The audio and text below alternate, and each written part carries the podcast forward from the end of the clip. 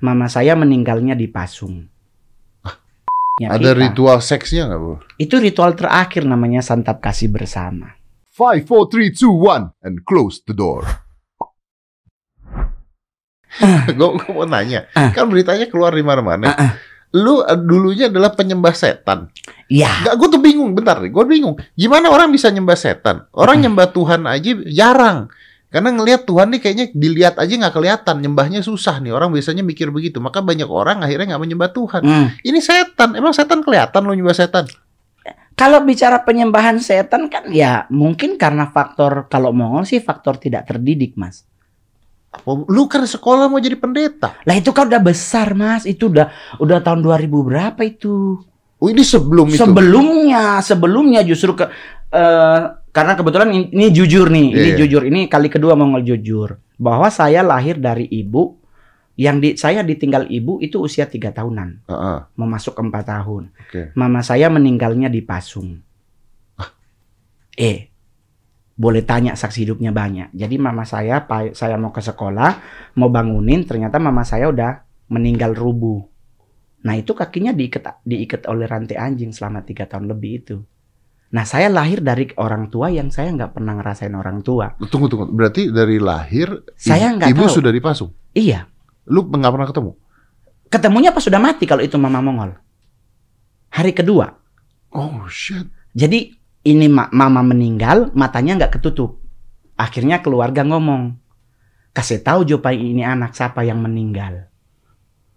Baru Oma ngomong, Oma ini kan Mo- Mongol manggil mama itu Oma. Hmm. Jadi Oma bilang kita bukan ngenape mama. Bukan anak aslinya Ah, loh ah, maksudnya. bukan bahwa Oma Oma itu bukan mamanya, mamaku. Ah. Mamamu yang benar ngenape mama yang ini yang Umur berapa lu dikasih tahu? Tiga tahun mau empat tahun. Anjir mana ngerti lu. Ya Tuhan marah bohong. Kondisinya seperti itu mas. Terus mama saya tuh matanya nggak ketutup, pas Mongol tutup ketutup. Oke, Ke- ke- so- kenapa eh, Oma dipasung tuh kenapa? Salah, salah apa ya? Sal- me- melanggar aturan keluarga. Enggak, maksud gue dianggap sakit jiwa atau Enggak. ada penyakit? Hah? Jadi mama saya kan sudah dijodohkan dengan seseorang, Oh. sudah bangun rumah, sudah antar koi. Kalau antar koi bahasa Jakarta udah antar, pokoknya tempat tidur udah siap, lemari semua udah siap, udah tinggal menikah. Mama saya ikut dansa. Kan di Manado tuh setiap malam jam itu dansa-dansa. Ketemu ketemu lama bokap di situ. Mungkin bokap bilang wo ini ini aiwo. Kelar hidup mama. Nah, oma tidak menerima keluarga. Jadi itulah alasannya kenapa surat dapis Mongol hanya nama Roni, tidak ada marga. Karena saya nggak dianggap keluarga. Waduh. Tuhan marah bohong. Enggak, tunggu, tunggu. Ini masih kejadian kayak begini, bro. Masih bro, saksi hidupnya masih banyak. Kemarin acara gereja itu tanteku, tante adiknya mama pun jadi saksi buat acara konten gereja. Kejadian-kejadian gini masih ada. Masih ada. Mungkin sekarang udah enggak, tapi saya ngalamin di saat mama. Berarti bukan gara-gara sakit jiwa, bukan gara-gara apa enggak? Enggak? Gara-gara melanggar aturan, Iya. Melanggar adat. melanggar adat. Iya. Akhirnya lama-lama mungkin mama lama-lama dipasung ya mungkin bu- bisa juga jadi stres kali. Kan di- dibikin ruangan sendiri. Berarti kayak di penjara dong. Iya gitulah. Mama Dipasung di Mama saya kalah loh Mas Dedi gendutnya. Karena kan tiga tahun Iya, gak nggak kerja. ngapa-ngapain dia kan. Iya. Jadi menurut kan kita kebetulan di Sangir belum ada dokter di daerah sekitar, adanya mantri. Jadi menurut mantri Mama udah meninggal dari lap- dari 8 jam sebelumnya. Karena nggak kelihatan, nggak ketahuan. Iya. Ketahuannya karena Mongol nganterin sarapan smokol bahasa Manado. Nah, lu nganterin sarapan ke Mama. Oma, manggilnya Oma ya? Ke Mama. Ke Mama ya? Nah, Lu nganterin sarapan ke Mama, lu anggap itu siapa? kakak kalau bahasa daerah akang jadi paling tua bersaudara. Saya dianggap sebagai paling bungsu. Nah kan lu nganterin makanan pasti ada konversasi dong, ada om obrolan dong sama dia. Enggak enggak ada obrolan kan cuman Oma yang bilang antar ini Pak Akang. Anterin ini ke Akang. Nah kan lu nganter masa mama lu nggak ngomong sama lu apa pun? Kan mau langsung mau ke sekolah. Kan cuma niatnya cuma nganterin makanan. Tiap hari. Iya. Mama Nggak. Nggak pernah ngobrol. dia nggak manggil lu gitu. Lagian masih kecil kali Mas Mongol. Eh, Mas Dedi umur 3 4 tahun mah gua mau ngumur apa mau sedangkan di daerah gua aja TV baru satu. Itu pun cuma hari Minggu buat nonton LSP sama album Minggu. Iya betul. Nggak ada listrik masih Itu kalau dipasung begitu berarti ke toilet makan segala di sana. Di situ. Ada WC gitu. Mama kan Oma yang ngurus, Mama yang kita Mongol manggil Mama. Ah, This is bullshit, man. Tapi re- realnya ada. Ah iya ya, gua gua ngerti tapi maksudnya Daerah kan daerah Mongol Sangir kan masih agak sedikit.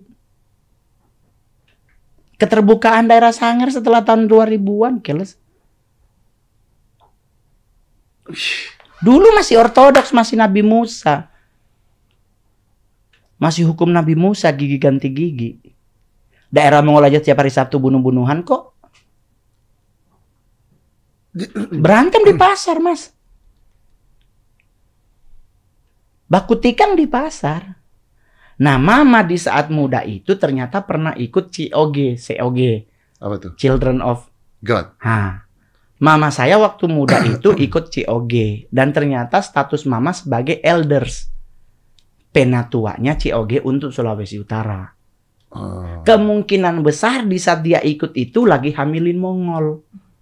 Mungkin dia ngomong atau bernasar bagaimana bahwa nih anak saya nanti join di saat 8289 pimpinan COG Indonesia dideportasi kembali ke Amerika muncullah satu sekte sesat baru Mongol ketemu bule di Manado diajak join with us Umur berapa itu? Umur 14 15-an tahun. Oke, terus terus. join with us? Mongol nggak kayak nggak ada rasa bersalah kagak nggak Mongol ya ikut Ya, ikut tahu apa-apa. ikut. Dan kita di sana kita eh, ada ritual small ritual ritual kecil-kecilan. Dan tiga bulan kemudian ada pembaptisan ada eh, apa eh, iya pembaptisan lah untuk jadi leaders jadi LC namanya leadership committee. Apa apa Eh, ritual apa? ritual satanik lah Ya, Yang- ini yang, di, yang dipuja siapa, Bos?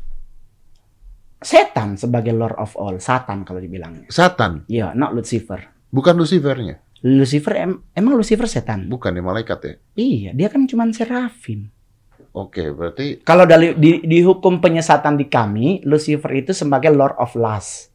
oke, Satan itu Lord of All. oke.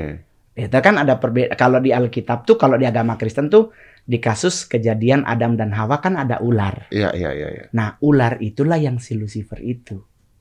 Oke, berarti ini satannya. Yoi sebagai Lord of All. Ya, yang di yang di do- yang gimana berdoanya? Kan gimana ada tiga, ada tiga yang dijadikan sebagai altar utama.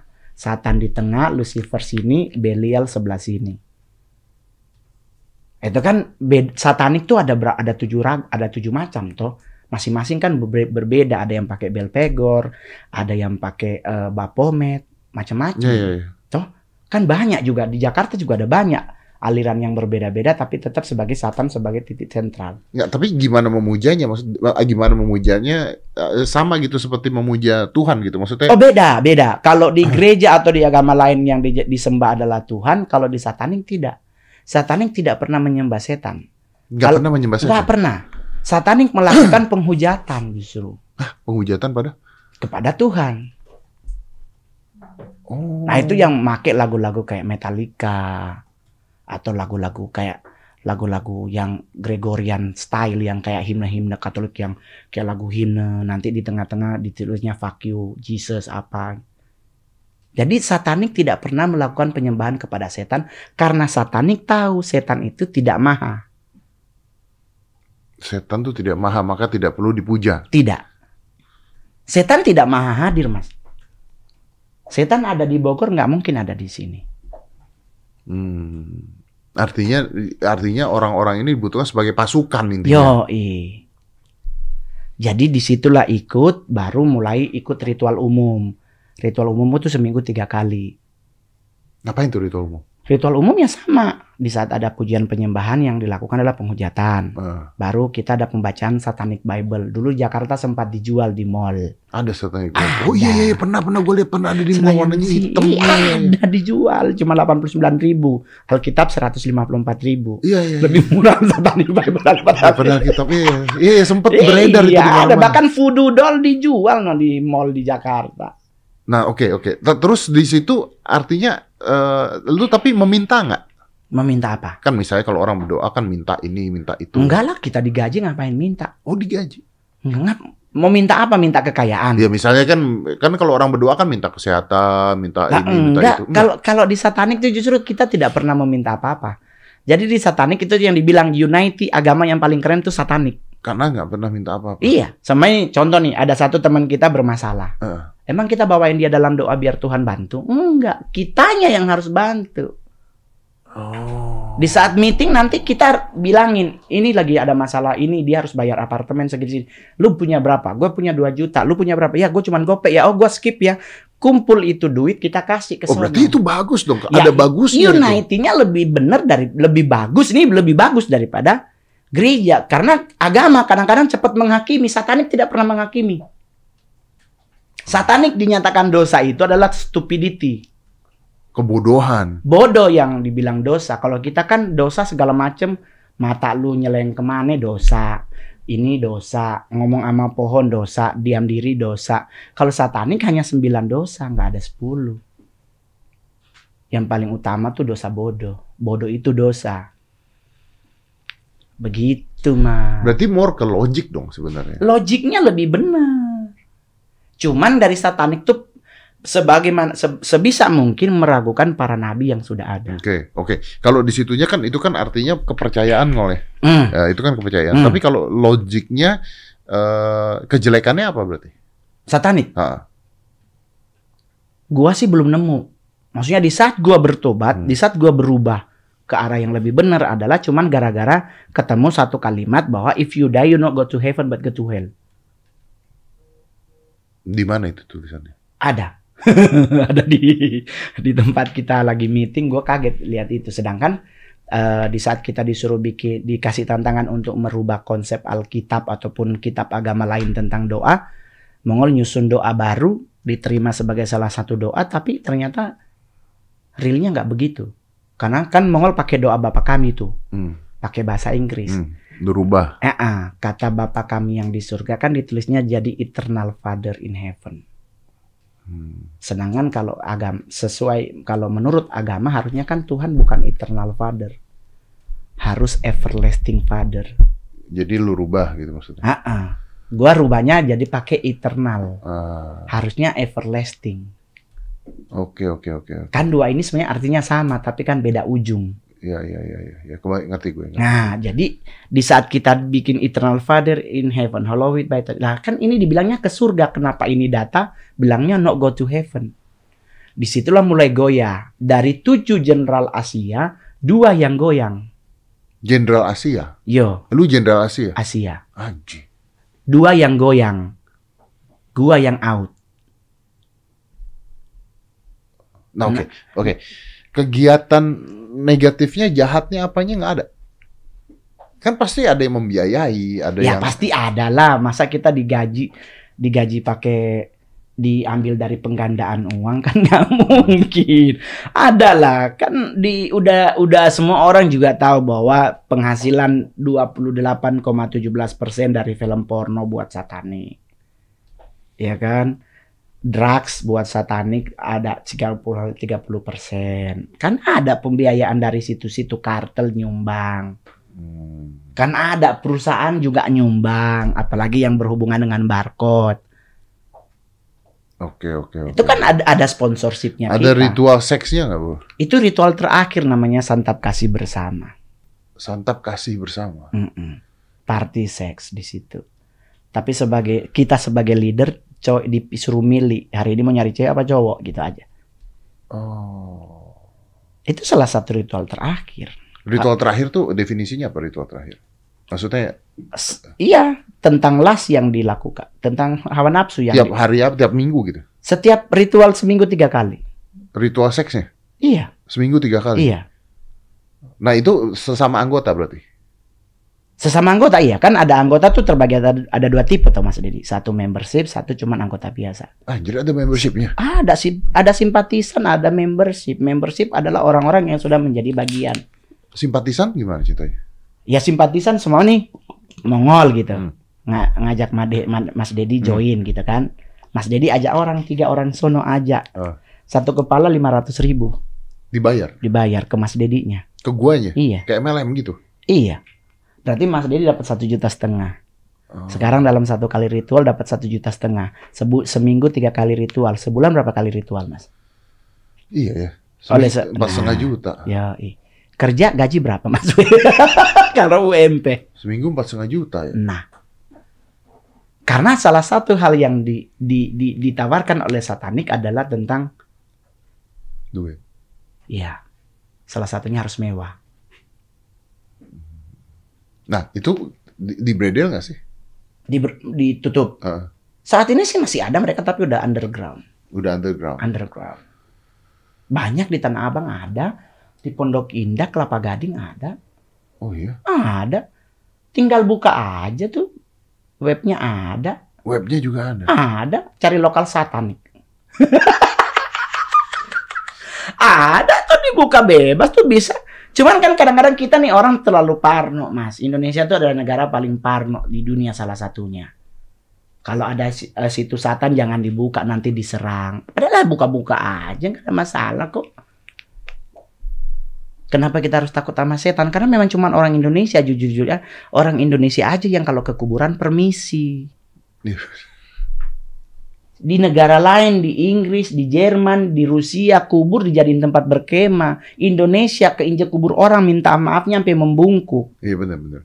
Maka waktu kecil aja tuh diajarin misalnya lu mau pipis di mana lu Hmm, permisi dulu. Misi Nah, gitu. itu tuh diajarin sama orang tua. Iya. Permisi sama siapa ya coba? Nah, pertanyaannya sama kayak kita ke kuburan. Pakai dehem loh. Misi. Iya. Bayangkan kalau dia nyaut silakan. Mampus lu. Bener, bener, bener ya. Cuman Indonesia yang ke mana-mana permisi. Ada kub, ada set kuntilanak di atas pohon. Eh, ini di satu jalan. Orang rela lo muter sekilo, nggak mau lewatin tuh pohon. Cuman Indonesia di Amerika, Church of Satan di San Francisco open itu kok mereka open house bahkan setiap minggu bisa orang datang untuk belajar. Terserah tuh ya. Iya, karena memang tidak pernah diajarin nyembah setan. Yang dilakukan hanya menghujat Tuhan. Tapi karena dia tidak diajarkan untuk membunuh, untuk No, apa. Nggak ada gitu. Nggak ada kecuali para pengkhianat.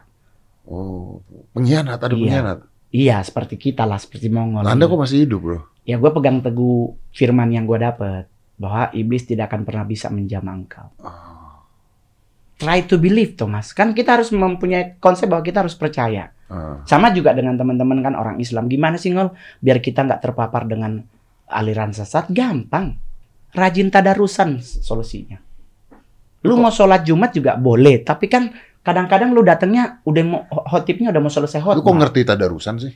Lah karena gue tahu mas, karena tadarusan itu adalah momen lu baca Al-Quran, ngatamin Al-Quran dengan sendirian. Iya, tapi kan Salah nggak salah pasti ada yang ngebenerin loh mas.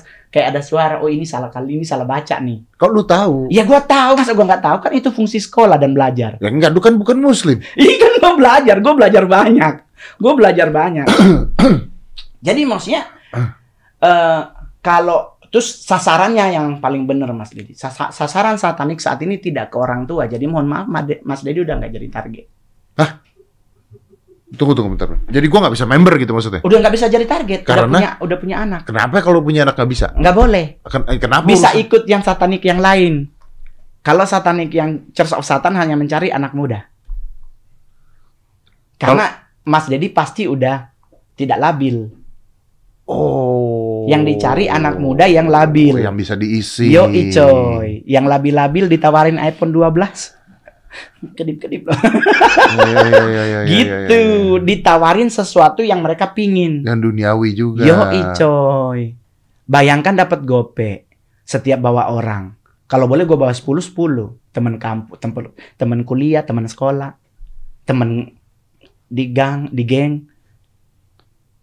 Kalau orang tua, kalau dia udah mencintai Abdul Somad, sampai Tuhan datang dia tetap ke Abdul Somad. Tapi coba cek generasi muda, ngegandrung ustadz siapa sih? Ngegandrung pendeta siapa sih? Iya. Bahkan Mongol bilang di gereja, hari Sabtu gereja ibadah kaum muda. Kalau gerejanya di Mall Senayan City, di tempat yang sama ada Lee Ming Ho. Iya, keliminho kadang-kadang Yang ke gereja belok. Ke Lee Ming Ho. Sekalipun Lee Ming Ho ngomongnya pakai bahasa, Bahasa Korea, Korea. ya padahal di atas ada gereja. Iya, iya, iya. iya. Jadi generasi muda adalah generasi yang paling rentan untuk disusupi oleh penyesatan. Kalau orang tua sampai Tuhan datang di situ loh. Lu mau bilang Ustadz Abdul Somad bagaimana bagaimana bagaimana, tetap orang tua akan berpegang teguh saya suka sama beliau. Hmm. Tapi kalau anak muda, Gampang digoyah. nah, Jadi- apalagi sekarang anak muda ngetrennya apa? Boy lovers, Iya, betul. film Thailand. Ya kok? Anak muda sekarang mayoritas lebih hatam pemain Thailand daripada Iya, iya. Coba sebutin pendeta ini. Hah? Ustadz ini gitu enggak ya? Gua lebih suka Nyui, P. Bright gitu ini. Nah, itulah yang diambil. Berarti keributan-keributan di politik dan keributan-keributan agama ini kebanyakan diprakarsai dan digandrungi oleh orang-orang yang sudah tua. Hmm. Iya dong. Karena anak-anak muda sebenarnya tidak terlalu memikirkan hal Enggak, tersebut. Enggak. Enggak. Anak-anak muda lebih mikirin gimana ngantri BTS di McDonald. Yo, icoy. Ya, itu. Masuk akal bener. bener. Yang ribut politik kan cuman yang Makanya Facebook banyak yang ribut. Nah. Ki, sekarang pertanyaan anak muda mau mau ngurusin apa sih tentang kasus korupsi di ini? Urusin pembelian kapal perang gini ini ini ini tentang ini ini nggak ada. Coba tanya anak muda, ada berapa banyak sih obat Covid yang masuk Indonesia? Nggak ada yang tahu sekarang suntik Covid udah tahap keberapa. Dia taunya cuma Holy Wing tutup gitu. Iya. Tapi kan pintunya dalamnya masih ada. Iya dah. Sekarang anak-anak muda Jakarta lagi sementara membayangkan tentang Jakarta lockdown. Karena Covid katanya me, me- mem- membanyak, Naik, iya. naik. Tuh, anak-anak muda kan sekarang lebih lebih memilih kalau di lockdown kita cari solusi lain. Nongkrongnya di mana? Hmm, hmm. Alternatif. Kalau orang tua kan jangan keluar ya nanti Iya. ke Pak. Ah, Kalau anak muda nggak ke situ pikirannya jangan keluar. Mau nongkrong di mana alternatif biar kita tetap bisa nongkrong. Ya, pola berpikirnya Berubah. berubah. Ya, oke. Iya benar juga sih sebenarnya. Makanya ada definisi mengatakan potong satu generasi karena yang ribut-ribut nih sebenarnya orang tua orang tua ini. Ribut presiden, Yo. iya kan? Padahal kan masih lama, Mas. Iya betul. Ribut sekarang. presiden tidak mempengaruhi anak muda. Coba cek anak muda mau milih mana? Pak Ganjar apa Puan? Nggak mikir mereka. Yang mereka pikirin adalah bagaimana caranya gue punya iPhone 12. Nah sekarang iPhone 12 udah mulai itu. Eh ada lagi muncul berita. Desember ada iPhone 13. Iya selesai. Dia lebih pusing di sana ya. Yo, lifestyle gua nggak ada hubungan dengan politik. Yang berpolitik hanya para mahasiswa, itu pun dari 100 mahasiswa cuma 5. Iya. Nggak nyampe 50% yang aware tentang politik. Yang lain yang penting gua kuliah, bayar kuliah selesai. Iya. Nah, tapi kalau dunia satanik memang dia masuknya ke generasi Ya muda. karena itu alternatif kan. Betul. Alternatif yang menarik gitu. Betul. Yang challenging menarik gitu. Betul. Yang anak-anak muda masih berpikir, "Wah, ini apa nih pengalaman baru." Betul. gitu kan. Dan, rasa tidak monoton gitu. Betul. Dan yang kedua adalah mereka diterima. Mereka diterima.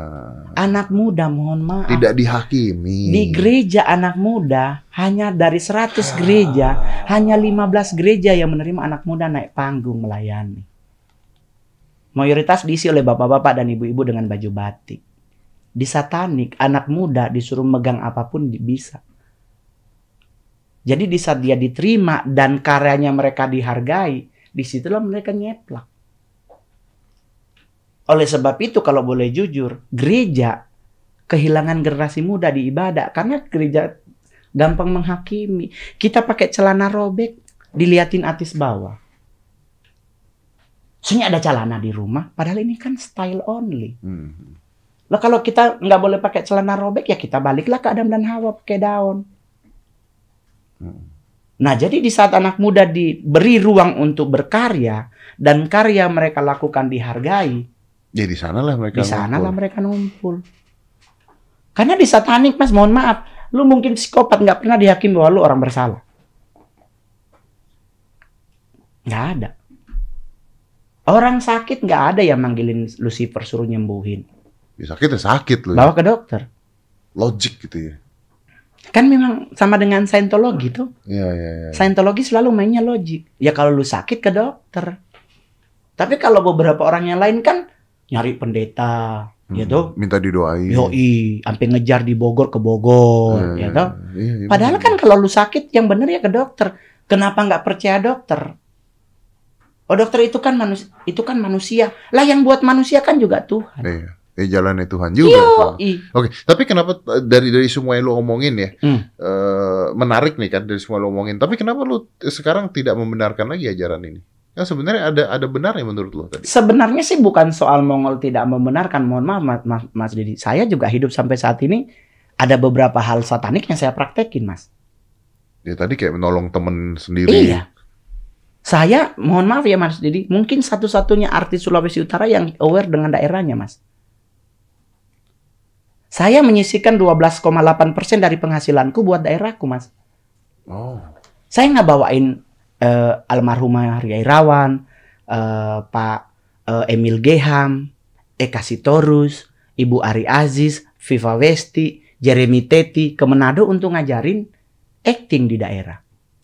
Gratis. Cuman gue doang, Mas. Lu akan dibalas sama orang-orang yang ngomong bahwa ya tapi di agama yang benar juga ngajarin gitu. Enggak berbagi. juga, yang ada tetap aja di bayang omongan, oh itu mau calon dia. Tuduhannya kan pasti pencitraan karena untuk mencalonkan diri jadi wali kota. Enggak. Karena saya mempraktekkan di dunia satanik juga begitu. Diajarkan untuk menolong orang yang ada di sekitarmu dulu dan daerah kesayanganmu. Kita ngebantu udah sampai di Palestina, tapi di Indonesia nggak ditolong. Mhm. Nah jadi termasuk satu yang saya praktekin dari dunia satanik.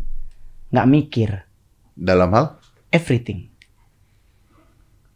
Eh, gua nggak nggak ngerti, nggak mikir. Saya nggak mikir sampai saat ini, Mas Mong. Eh, Mas Dedi. Dalam hal apa? Apa aja. Dulu sempat toh dunia se- masuk dunia artis 2011 lewat dunia stand up komedian, Heeh. terus ketemu nongkrong sesama artis, terus di di apa dipancing masa stand up komedi termahal nggak punya mobil sport Mhm. dan dia lupa yang nantang itu gua orang Manado. Orang Manado bicara gengsi nggak mau kalah. Gua beli Ferrari nggak pakai utang loh Mas Dedi. Gua beli Ferrari cash. Orang nanya kenapa ut kenapa cash, kenapa nggak utang? Agama gua ngelarang berhutang karena di Roma 13. Saking itunya, tapi setelah ke sini ke sini, deh gue bingung mas Dedi. Selama gue pakai Ferrari itu nggak ada yang percaya itu mobil gue. itu kasusnya di Cilandak lagi berdiri depan mobil lewat ibu-ibu dia nanya orang bengkel mana mas Serius? iya padahal itu mobil kejadian? gue bang iya dari situ mau langsung mikir nggak ah, nggak usah nggak usah ribet Iya. usah ribet kalaupun mau ketemu teman-teman artis atau ngeliat teman-teman artis apa tuh Bodoh amat lah ya. iya mau mau belanja jam sampai dipamer 700 juta mah kita menyantai-nyantai aja Eh, memang sih. Iya, ke- kemarin ditanya kan, Ngol kenapa sih lo nggak pernah di apa masuk ke ini gini ini ini gue bilang nggak gue juga beli jam tangan Rolex limited e- Edition. eh, enggak juga sih cuman Daytona Platinum sekarang harga harganya 2,6 Daytona gila tuh. tapi kan nggak ada yang percaya kecuali kita ke Rolexnya kita ke Singapura ke Rolex langsung dikasih coklat Iya betul. Langsung duduk. Boleh Iya. ngerokok dalam. karena dia ngelihat Daytona gua aja Singapura cuma dapat jatah dua biji nah lu kok ini si cowok jelek ini pakai jadi gua nggak pernah mau mikir iya nggak sama juga kayak kita ke apa ke Plaza Indonesia gitu orang kan ngeliatin. Ih mongol masuk Rolex tuh pasti belanja. Padahal kan nggak benerin. Iya bener. jadi mongol nggak pernah mau ribet dengan mikir termasuk status saya jomblo.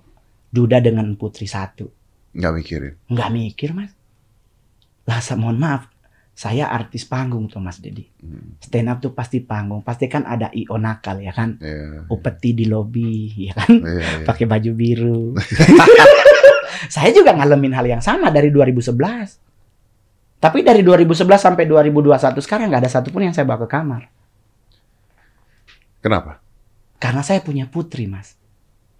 Apa yang engkau tabur itu juga yang akan engkau tuai. Di Batam ceweknya cantik banget baru usia 18 tahun. Saya suruh pulang. IO nya dateng. Oh bang gak suka cewek? Ya cowok juga ada kok bayangkan kita disuruh cewek pulang dikira kita gak suka cewek ditawarin cowok loh mas jadi saya nggak pernah mikir sampai hari ini mas Karena setelah Mongol juga kebetulan kan Mongol Kristen Mas. Saya ketemu ayatnya Mas di Alkitab. Apa tuh? Roma 12 ayat 3. Janganlah pernah memikirkan hal-hal yang lebih tinggi daripada yang patut kamu pikirkan. Iya, capek, depresi itu. Iya benar, benar. Kenapa orang gila nyantai? Karena nggak Karena nggak mikir. mikir. Survei dari Amerika dan Jerman, rumah sakit jiwa diisi oleh 89,12 persen orang pintar. Masuk akal. Ya iya. Kan ada banyak kasus orang gilanya bilang, gua sih cuman gila tapi gua nggak bodoh. Tapi nggak bodoh, iya benar. Ya apalagi seniman ya. Nah, apalagi kita stand up komedian Iya. mas terlalu banyak Kalau lu mikir, nggak gila, nervous. ya benar. Dan lu harus gila dikit, gitu. Apalagi depan kita jenderal bintang 4. Mm-mm. Kalau dia nggak ketawa, ada kolonel yang mau ketawa mas? Nggak ada. Kita udah Nunggu apa-apa di depan. Depan kita udah berbusa. Bapaknya cuman nggak mungkin. Oh, pindah lu besok pindah. Jadi mau tidak mau kita nggak boleh mikir. Tapi kita harus cari cara bagaimana caranya nih bapak harus tertawa. Ingetin proses. Itu yang mau praktekin sampai hari ini gue sebagai king of stand up corporate. Karena gue ambil proses. Kalau bapak nggak ketawa, kita ke ibu. Oh. Karena bapak boleh bintang 4. Tapi kalau ibu ketawa. Empat setengah sampai lima bintangnya. tuh. Ah. Jadi itu strateginya Mongol. Yang kedua, ngajakin orang ke atas panggung disuruh dipakein tisu ngelap. Yang cowok normal gak mungkin Iya, jadi lili. itu kan membuat orang yang nggak ngeliatin kita lagi ngeliatin karena kita manggil temennya. Ah, Nah itu strategi. Itulah yang Mongol pakai sampai hari ini gua stand up nggak mau ribet. Ngapain sih mikir mas? Kalau mau pingin ganteng, gua nggak boleh mikir operasi yang benar. Iya bener.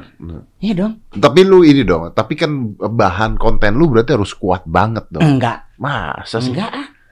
Enggak pernah. Sampai hari ini Indonesia satu-satunya boleh tanya sama Panji, sama Radit, sama Ernest. Saya satu-satunya stand up yang nggak pernah nulis. Lu gak pernah nulis. Lo ngapain? Gua udah lulus mas. Iya bener nggak? Tapi kan sekarang aja Panji aja ada video tuh gimana cara jadi stand up, ada bukunya, ada Enggak, teorinya, gua enggak. ada macam-macam nih begitu. Enggak. Ada punchline-nya di mana, taruhnya per menit harus berapa live, live per menitnya berapa. Jangan lupa mas, itu berlaku hanya untuk mereka yang mencintai stand up. Tapi diperhadapkan dengan corporate yang punya BOD, itu nggak berlaku. Terangin gua. Itu hanya hanya berlaku bagi orang yang mencintai, mencintai stand up. stand up. Tapi di saat lu manggung di panggung corporate nggak nggak berlaku. Mas lu mau, mau mau bikin jadi triple punchline. Gimana caranya lu membuat triple punchline kalau BOD-nya belum hadir atau mereka masuk lu lagi stand up? Otomatis lu berhenti. Berhenti, bener. Atau acara TNI atau TNI Polri. Lu lagi stand up 5 menit, tahu-tahu disuruh begini. Meninggal Mas kalau mikir-mikirin begitu. Stroke mendadak. Ya bener, bener.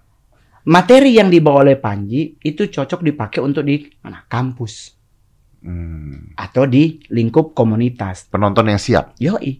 Tapi kalau di acara kayak kayak besok Mongol di Balikpapan, acara perusahaan negara gitu. Hmm. Otomatis kan ada GM, ada ininya, GM-nya belum ada. Kita lagi sementara stand up, GM-nya masuk, kan kita suruh berhenti. Padahal itu udah mau punchline. Berarti harus banyak improvisasi. Yoi, Improvisasi nggak bisa dipelajari. yoi. Pengalaman, pengalaman, Yoi. pengalaman, pengalaman. Jam terbang lah yang mempengaruhi. Tapi kan tidak semua orang bisa kayak lu. Karena gue choice sih memilih pelajari stand up. Lu choice memilih. Iya, gue udah gak mau kerja kantoran. Oh, iya iya, tapi kan maksudnya nggak semua orang bisa. Oh oh. Kan lu harus memilih Mas Didi. Mas Didi harus milih mau minum kopi latte atau kopi coklat. Iya, I Nah, Mongol. Mo- Mongol memilih. Oke, gue udah gak mau kerja lagi. Gue mau runutin stand up. Mohon maaf, Mongol bahasa Inggrisnya cetek waktu itu. Tapi gue bisa nonton Adam Sandler dan beliau ngefans sama gue. Selesai. Asia punya stand up yang paling berani nomor satu Mongol. Bukan Radit dan Panji. Hitungnya keberanian Mongol di mana? Karena stand up di acara orang meninggal. Lu pernah stand up dia? Ada videonya di rumah duka Gatot Subroto. Sebelahnya tuh rumah rumah duka Sentosa. Ada saksi hidupnya Ibu Maya Rumantir. Kita lagi melayat jenazah lagi di peti mati, tahu-tahu eh, baru ngomong turut berduka cita, MC kan kita akan dengarkan stand up komedi dari Mongol. Gue langsung, ih goblok orang mati. gue nanya Ibu Maya Rumantir, Bunda gimana nih? Enggak, itu lu nggak tahu tadi. Nggak tahu. Lu tamu atau apa? Tamu, karena yang meninggal anggota Dewan. Anggota DPR RI. Heeh. Nah, kan beliau adalah salah satu mentor politiknya Mongol yang bawa materi tentang politik-politik itu dia adalah mentornya. Oke. Toh, eh, Papi Gilbert adalah mentor rohani. Oke. Kalau saya bawa materi tentang Tuhan datang itu kan saya udah konsultasi dulu. Oke. Di saat dia meninggal ya kita kan sebagai orang anak didiknya kan dateng dong. Nah, pas kita ngomong begitu, di MC-nya ngomong begitu, anaknya ngomong begini. Hibur ya Mongol, kasihan lo mami udah dua hari nangis. Oh. Terus istrinya ngomong, tolong ya Mongol nanti Oma transfer. Sekarang Mas Dedi yang meninggal anggota DPR RI. Kata transfer menurut Mas Dedi berapa kira-kira? Wah, gede tuh harusnya tuh. Nggak mungkin 2 juta. Iya, benar. Karena sebelahnya Maya Rumah Hati. Bener, bener. Selesai gua stand up Mas. Lu stand up? Stand up, ada videonya. Enggak, tunggu, tunggu. Lu stand up di tempat orang meninggal, materinya gimana? Apa aja gua bawain? Ada tentang orang meninggalnya? Ada. Anjing. Yang soal sepatu. Kan ini kami di agama Kristen ini kan kalau meninggal tuh kan sepatu sepatu nggak dipakai. Ya kan kaki kiri ditaruh sepatu kanan, kaki kanan di sepatu ditaruh sepatu kaki kiri. Nah, kita jadiin materi. Ini bagaimana kalau seandainya Tuhan pas datang di hari ketiga dia meninggal, Tuhan bilang ikutlah aku. Pas dia bangun sepatunya ketuker. Kan dia ribet mau pakai sepatu. Baru materi Alkitab. Yang kalau orang mati di Indonesia, di Manado, selalu taruh Alkitab di sebelah, di sebelah orang mati. Orang dia hidup aja nyoba baca, apalagi mati. orang ketawa. Selesai stand up, kita nyamperin istri minta maaf kalau kurang lucu. Kalau kurang lucu. Istrinya ngomong, makasih ya Mongol, Oma udah terhibur dari tadi udah nggak berhenti ketawa. Anaknya lah ngomong, iya Kak Mongol, Mama dari tadi ketawa loh. Dan mudah-mudahan apa yang dikasih oleh Mama cukup ya Kak Mongol ya. Mongol nanya, dikasih apa? Udah ditransfer ke rekeningnya Mas Mongol. Ini buktinya. Lu lihat. Mas Mongol, iya 40 juta Tuhan marah bohong Mas. Mongol langsung bilang di situ, jangankan di sini di kubur juga gua ikut. Saksi hidupnya ada, Mas. Saksi hidupnya tuh apa sih pe- pekuburan mahal yang di Karawang? Iya, San Diego. San Diego, San Diego. Mongol duduk di ambulans. Di mobil ambulans, mobil jenazah. Pas masuk di San Diego, mereka lah pa- pada kontek-kontekan. Papanya Mas Mongol meninggal. Papanya Mas Mongol. Karena kan mereka udah tahu Mongol art stand up tuh.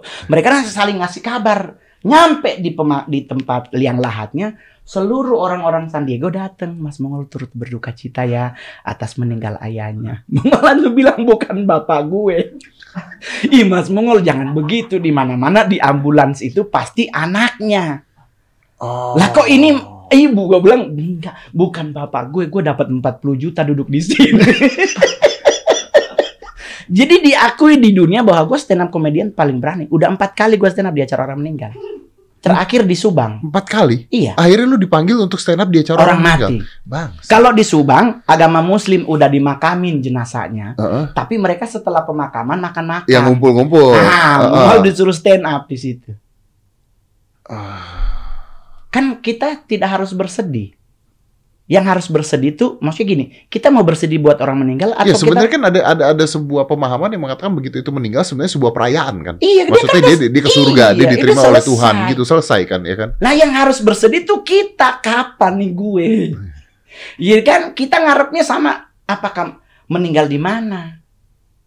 Jadi Mongol nggak pernah mikir, jujur aja Mas Mongol, eh Mas Didi, kalau kita naik, naik pesawat emang nggak mikir Mas, Mikir. berat loh Mas kita Iya, ngeliatin, aduh ini gimana gimana Iya, nih. Jatuh berapa gitu tinggi. kan. Heeh. Ada teman gue enggak Mas Mongol gampang kalau seandainya pesawatnya terjadi sesuatu kita pasti selamat kalau lo lompat. Tapi katanya harus lihat kalau udah di 5000 kaki. Lah Mongol bilang, lu lompat 5000 kaki ke dalam air tetap mati karena lu pasti nyampe dasar. Seng, dari dasar mau balik ke atas juga. Jadi otomatis bagaimana? Jangan mikir tidur. Iya, betul. Dalam pesawat tuh kalau udah mau berangkat Tidur. tidur jangan dipikirin pesawatnya jatuh kayak mam jangan dipikirin pokoknya nyantai aja ke atas karena kalau kita terlalu tegang banyak orang mengalami serangan jantung di saat tegang dalam pesawat jadi gua nggak pernah mikir mas dengan covid sekarang gitu kan orang bilang ih mongol masih tetap aja tajir, ya biasa aja kan barang lama yang masih dipakai. Oh. Iya dong. Mau ngapain mas? Ya kan? Nyantai ya. Iya, jomblo nih, duda anak satu. Mau nyari cewek saat ini udah udah berat. Karena status artis. Cewek deketin kita bukan ingin berumah tangga, ingin dapat iPhone, Honda Jazz. Iya iya iya, kebayang kebayang kebayang. Iya kebayang, dong. kebayang, kebayang. Iya iya. Karena dia tahu kita stand up comedy termahal. Nyalonin wali kota Manado pasti duitnya banyak. Udah begitu, choice nggak menikah. Karena agama Mongol juga melarang menikah lebih dari sekali. Iya, iya. Kalau menikah lagi dua kali ada syarat dan ketentuan. Salah satunya harus cerai mati. Nunggu mantan istri Mati. mati lah dia masih hidup. Masa lu mati? Solusinya ya gua doa tiap pagi Tuhan cabut nyawanya. Karena kalau dia belum meninggal meninggal berarti gua belum Belum boleh boleh kawin. ya tak? Jadi nggak usah dipikir. Nah di satanik juga begitu. Ritual-ritualnya itu juga nggak pernah mikir mas. Kita mau nyanyi lagunya siapa? Madonna. Kita mau nyanyi lagunya apa Slipknot. Kita mau nyanyi lagu Metallica atau kita mau nyanyi lagu siapa? Kita nggak mikir. Yang penting lagu yang kita nyanyiin ada unsurnya tentang penghujatan. Apa fuck you Jesus atau apa pun. Nanti di 30 di Halloween baru dibikinin salib terbalik terus di apa kek dibakar atau di apa terserah karena kan nanti ada ekspresinya di saat ritual. Ritualnya mungkin ada pengorbanan manusia tapi ingat baik-baik bukan manusia yang hidup. Biasanya bayi hasil aborsi yang digunakan sebagai salah satu has- Simbol. Iya. Karena kan kalau pengaborsian tiga eh, udah tiga minggu satu bulan dua bulan kan sudah berbentuk Iya, iya. sekalipun belum utuh. Nah itu yang dilakukan. simbol. itu hanya simbolis. Jadi nggak usah ketakutan anaknya mau diculik oleh nggak usah. Satanik tidak pernah menculik anak kok. Yang dilakukan adalah kerjasama dengan beberapa tempat aborsi. Tapi kan pemerintah juga luar, luar biasa, khususnya Polri menjenggel banyak tempat eh prostit apa? Eh, pengaborsian. Iya, eh, apa? Klinik bersalin yang tidak Berarti polisi-polisi juga tahu adanya ini ya? Sepertinya pasti tahu. Dan mereka juga sangat luar biasa. Polisi itu sangat luar biasa me- apa ya namanya? Membuat Indonesia tuh tidak menjadi sarang satanik besar. Hmm. Ya ada aja. Iya, jadi pokoknya polisi TNI Polri itu cakep intelnya. Tuh tuh tuh tuh tuh tuh, tuh, tuh. jadi akhirnya geraknya mereka balik lagi ke underground. Kalau Belanda sekarang open. Kalau Amerika open, mereka Oh, kalau mereka open ini semakin lama semakin besar nggak? ya? ya memang kan kalau makin lama makin besar ya iyalah mas. Kan targetnya memang harus jadi besar. Ya bersaing dengan agama lain. yo artinya. kan niatnya hanya untuk mendatangkan antikris. Berkuasa. Kan itu balik lagi nanti ke konsep agama masing-masing. Iya. ya kan? Karena kan untuk melawan sebuah dajjal di agama Islam kan dajjal nggak mungkin sendirian kan ada timnya. Kan ada legion-legionnya. Iya. ada panglima-panglimanya. Dajjal adalah induknya tapi kan yang diperangi oleh Imam Mahdi dan Isa kan bukan dajjal doang dajjal kan di kursi belakang yang dihantemin kan depan dulu tapi kan ajaran agama Kristen Islam tetap menyepakati bahwa akhirnya dia kalah sekalipun tidak hari itu kalah. Kan ada rentang waktu tiga tahun. iya, kebayang, kebayang, kebayang. Nah jadi itulah yang dilakukan. Gila. Tapi gue salut sama lu satu hal sih. Komika termahal ya, corporate ya. Wah, luar. Gitunya, yang penting bayar pajak lah Yang ya. penting bayar pajak. Yoi. Jam tangannya Iya. juga wah, luar biasa. jadi cuman kan itu jadi materi bahwa tidak semua Rolex itu Rolex. Jadi kita pakai Rolex sekalipun, tapi kalau muka nggak mengakuisisi, pasti tetap bilangnya beli di Bali.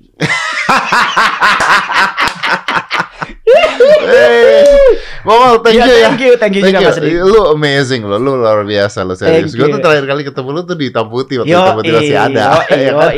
Sekarang udah berwarna ya? Terus Sekarang udah berwarna.